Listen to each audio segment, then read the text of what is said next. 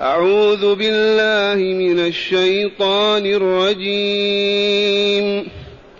لو خرجوا فيكم ما زادوكم إلا خبالا ولأوضعوا خلالكم يبغونكم الفتنة وفيكم وفيكم سماعون لهم والله عليم بالظالمين. لقد ابتغوا الفتنة من قبل وقلبوا لك الأمور حتى جاء الحق. وقلبوا لك الأمور حتى جاء الحق وظهر أمر الله. وظهر أمر الله وهم كارهون. معاشر المستمعين والمستمعات من المؤمنين والمؤمنات قول ربنا جل ذكره لو خرجوا فيكم ما زادوكم إلا خبالا أذكركم بأن هذه الآيات نزلت في أحداث غزوة تبوك. وهي في الحقيقة غزوة الروم. إذ عزم رسول الله صلى الله عليه وسلم على أن يخرج لقتال الروم. والروم يبتدئون من من تبوك إلى ما وراء البحر الأبيض. فلما أعلن التعبئة العامة والنفير الكامل جاء نحو من ستة وثلاثين منافقا. يطلبون من رسول الله الإذن لهم بالتخلف. كراهية في نفوسهم أن ينتصر محمد ودينه.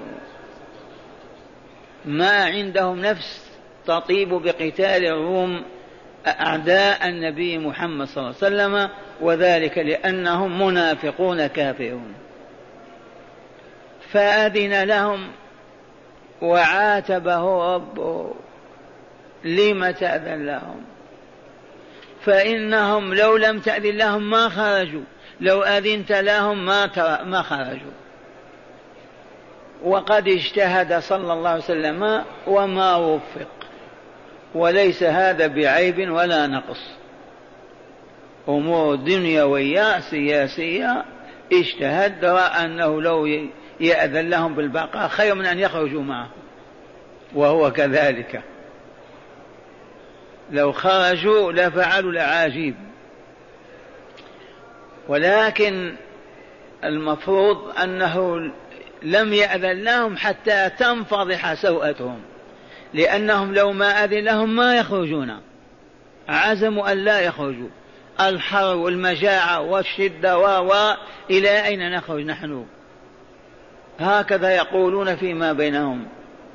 إذا ومضى من السياق الكثير وها نحن مع قول ربنا لو خرجوا فيكم أيها المسلمون. ذكر الآن المؤمنين مع نبيهم صلى الله عليه وسلم. لو خرجوا فيكم أي بينكم في صفوفكم. لكن خرجوا فيكم منه مندسين بينكم. ما زادوكم إلا خبالا والخبال الفساد. لأنهم لو خرج هؤلاء الستة وثلاثون يحدثون متاعب في المؤمنين. بماذا؟ لماذا تقاتلون؟ كيف نترك أموالنا الآن تضيع؟ كيف نقاتل مع هذا الذي يدعي أنه كذا؟ ويحدثون بلبالا وخبالا في الناس وخاصة العوام والذين هم ضعاف الإيمان. والله لك ما قال الله. وأنت تعرف ما يسمون بالطابور الخامس. الآن. لو خرجوا فيكم ما زادكم إلا خبالا. والخبال هو الفساد. ولا أوضعوا خلالكم. أوضعوا خلالكم. يعني مشوا بينكم مسرعين يحدثون الفتنة والمشاقب والمتاعب. ولا أوضع خلالكم أوضع إذا مشى بسرعة. الإيضاع المشي بسرعة. لا أوضع خلالكم يبغونكم الفتنة يطلبون لكم الفتنة الخلاف والفرقة والعداء وترك الجهاد. ذي هي الفتنة. فالذين خرجوا ليسوا كلهم أبا بكر الصديق وعمر. 12 ألف. ففيهم من يتأثر بأقوال هؤلاء؟ في ظاهر أنها نصيحة وكذا وفي باطنها كره للرسول والإسلام والمسلمين. ولا أوضعوا خلالكم يبغونكم الفتنة وفيكم سماعون لهم. السماع الذي ينقل الخبر. سماعون يسمعونكم ما تقولون وينقلونه إلى أعدائكم.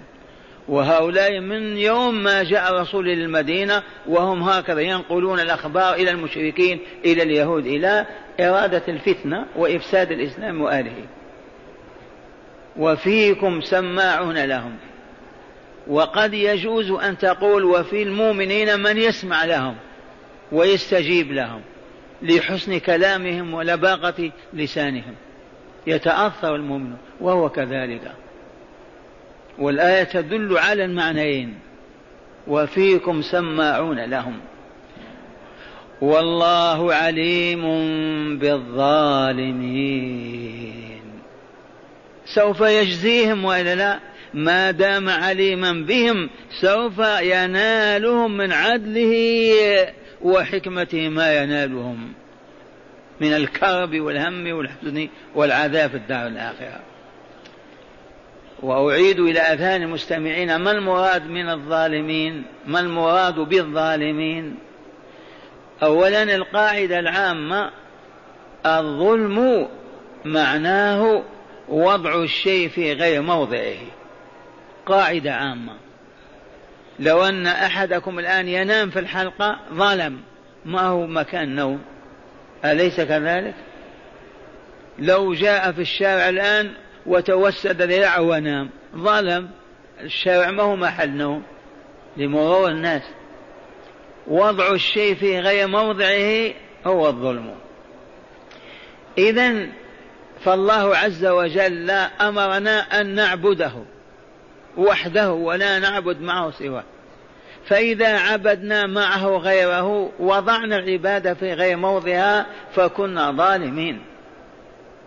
ولهذا أضيف إلى ما علمتم أن أفظع وأقبح أنواع الظلم عبادة غير الله عز وجل مع الله. ألا وهو الشرك.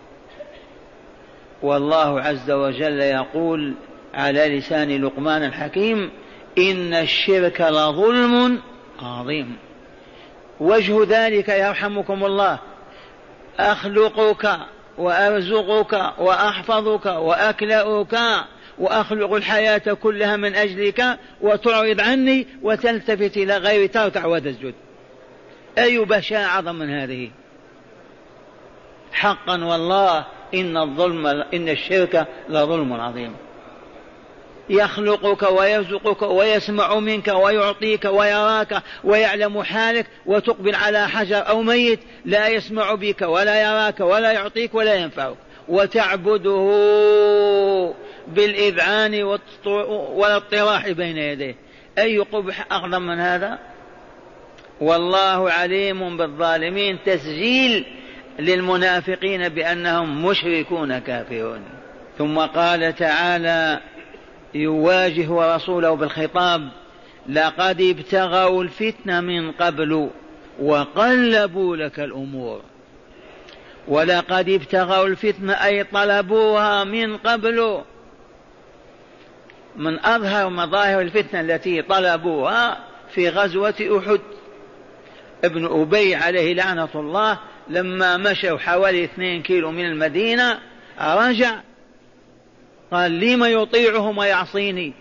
لما يطيع الأحداث ويقبل آراء؟ وأنا اقترحت عليه أن لا يخرج إلى قتال قريش في بعد لأن هذه كما علمتم لما جاء المشركون للانتقام من رسول الله والمؤمنين لما انهزموا في بدر في السنة الثانية جاءوا في الرابعة يريدون أن ينتقموا ونزلوا شمال المدينة وغربها واستشار الرسول أصحابه في الروضة. ماذا ترون؟ نبقى في بيوتنا وإذا دخلوا ديارنا نرميهم من على السطوح. ويقاتلهم رجالنا ونساؤنا وأطفالنا ونهزمهم. أفضل مما نخرج لهم هكذا نحن أقلية. فاستشار فالشبيب بالذات قالت كيف نسمح لهم بدخول بلادنا؟ يجب أن نخرج لهم. ابن أبي لعنة عليه كان يرى أن من الخير من الحكمة ألا نخرج لهم لقلتنا وكثرتهم. وكوننا نتحصن في بيوتنا أفضل. والرسول صلى الله عليه وسلم رأى أن الخروج ليس بصالح. فاتفق معه ابن أبي. لما رأى الرسول الأكثرية تصيح كيف نسمع لهم بدخول بلادنا وأرض وديارنا؟ خرج الرسول لبس لأمته ولباس حربي وخرج. فصاحوا قال لهم لا لا تصيح قالوا ما نخرج يا رسول الله نحن معك. قال لا. ما كان لنبي أن يضع لأمته من على رأسه حتى يحكم الله بينه وبين عدوه. هذه اللطيفة كررناها تذكرونها. لما عزمت بريطانيا على استعمار السودان واستغلالها وخرج جيوشها بالبواخر في ذلك الزمن. شيخ رشيد رضا مع مولاه مع شيخ محمد عبده أبرقوا لبريطانيا يقولون ما هناك حاجة أبدا إلى قتال هؤلاء. نحن نتولى هدايتهم وإصلاحهم وإنهاء الفتنة. فقال رجالات بريطانيا ليس من شأننا أن نبحر بجيوشنا ثم نرجع قبل أن نحقق هدفنا. فقلنا سبحان الله أخذوها من رسول الله صلى الله عليه وسلم. ونحن ما نعرفها. ما كان لنبي أن يضع لأمته على رأسه ثم ينزعها حتى يحكم الله بينه وبين عدوه. وخرج الرسول. أثناء الطريق رجع ابن أبي وكادت قبيلة سلمة بني سلمة وبني الحارث أن يرجعوا. لو رجعوا ماذا بقي للرسول ثلاثمائة رجع ستمائة وهم تسعمائة واحد.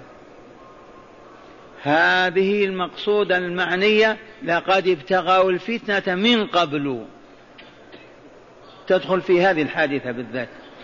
ثم الفتنة ابتغوها طلبوها من يوم ما جاء الرسول المدينة وهم يهيجون الناس ويثيرون عواطفهم لأنهم منافقون أي كافرون. ما يريدون أن يعبد الله وحده ولا أن ينتصر دينه ورسوله والمؤمنون. إلى الآن هذا وضعهم وإلا لا؟ لقد ابتغوا الفتنة من قبل وقلبوا لك الأمور حتى جاء الحق وظهر أمر الله وهم كارهون. جاء الحق تلك الانتصارات التي تمت للرسول صلى الله عليه وسلم وبخاصة فتح مكة. لما فتح الله مكة وزاد هزيمة ثقيف في الطائف أصيبوا بالخبال والضياع وانهزموا. وأصبح العرب يأتون أفوادا أفوادا وفودا وفودا ليسلموا بين يدي الرسول صلى الله عليه وسلم. إذا هذا معنى قوله تعالى حتى جاء الحق وظهر أمر الله بانتصار دينه ورسوله وهم والله كارهون. ما فرحوا بفتح مكة ولا بانتصار الرسول صلى الله عليه وسلم في الطائف ولا في غيرها. وهذا شأن الكافرين.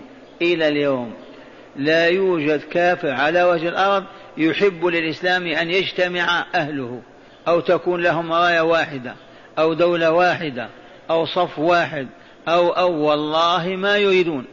ولا يرغبون أو يفكرون في أن لو استغنى العالم الإسلامي ولم يحتاج إليهم بل يحاول أن يكون دائما في حاجة إليهم. ما علة ذلك؟ قولوا ما عرفتم. الكفر يريدونكم أن تكفروا مثلهم. لماذا أنتم تتميزوا عليهم وترجون الله والدار الآخرة والجنة وهم يعرفون ذلك ولا يريدونه لعماهم وضلالهم وأصيبوا به من فتنة الكفر والشرك؟ ما يريدون أن نتميز عليهم أبدا. ومع الأسف نجحوا في الجملة وفعلوا بنا ما فعلوا. ألفت النظر وإلا لا. يا رجال الإسلام يعفو لحاكم. يا رجال الإسلام لا تدخل البنوك ولا تتعاملوا مع أهلها. يا رجال الإسلام لا تسمعوا الأغاني والعواهر في بيوتكم. أبعدوا هذه الدشوش والصحون الهوائية. لا تسمع لصوت عاهر أو فاع أو كاف في بيتك. وأنت عبد الله ووليه. طهروا قلوبكم من الاختلاف والشك والارتياب. أقبلوا على الله أعطوا وجوهكم وقلوبكم. هذا ما يبغونه ولا يريدونه. يريدون أن نبقى سخرا لهم يفعلون ما يشاء يهينوننا ويرون أنهم أعز منا وأكرم. وهم شر الخلق. لو تجتمع أوروبا وأمريكا واليابان والصين ونخرج منهم المؤمنين والمؤمنات ونضعهم في كفة لرجح بكفتهم لرجحوا بكفة مؤمن واحد. سبب ذلك الكفر والعياذ بالله. إذا هذا معنى قوله تعالى لو خرجوا فيكم أيها المؤمنون ما زادوكم إلا خبالا وما ننسى أيضا أن هذا تحقق لما خرج الرسول بجيشه إلى تبوك في عودته تآمر 12 منافق. على قتل رسول الله صلى الله عليه وسلم. ودبروها في عقبة في الطريق وأعدوا عدتهم حتى يضغطوا على الرسول صلى الله عليه وسلم فيسقط من ناقته فيهلك. إلا أن الله عز وجل فضحهم وكشف سرهم وأطلع الرسول عليهم وهلكوا. وأصابهم بالدبلة. هذه آية من آيات الله. تعرفون الدبلة؟ العام يقول الزبلة. الدبلة الدبلة الدبيلة. خراج يخرج من الظهر ويتفتق على الصدر. ماتوا كلهم في الطريق بهذا المرض. آية من آيات الله. لما خرجوا فعلوا أو ما فعلوا فعلوا. ما زادوكم إلا خبالا. ولأوضعوا خلالكم يبغونكم الفتنة واللطيفة هي أننا نقول يا معاشر المؤمنين والمؤمنات هذه الدبلة هذه التي هي خاتم من فضة يعطى للعريس والعروس ويلزمه ببقائه في كف يده ويخاف إذا نزعه تطلق المرأة أو تصاب بكذا. هذه بدعة شيطانية ولا يحل لمؤمن ولا مؤمن أن يقبل أو يقرها. أولا اسمها يكفي. ثانيا هذه جاءت من النصارى الأقباط. ليس من السنة والجماعة والمسلمين. ثالثا تعلق قلبك بحديدة في أصبعك وتنسى ربك نهائيا. وتبقى تحافظ خشية أن تطلق المرأة. هذا ماذا بقي لك من إيمان أو إسلام؟ الرسول صلى الله عليه وسلم ما رأى حديدة في يد مؤمن فقال له ما هذه؟ قال من الواهنة يا رسول الله. قال انزعها. فإنها لا تزيدك إلا وهنا. ولو مت وهي عليك ما أفلحت أبدا. فكيف إذا نجعل خاتم لابني زوجته أو ابنتي ونقول حافظ على هذا حتى يتم الزواج ويتم الصلح و فهمتم هذه؟ هل منكم من يبلغ أو ما أنتم في حاجة إلى هذا؟ لو كنا نبلغ لنجحنا ما نبلغ. اسمع وامشي.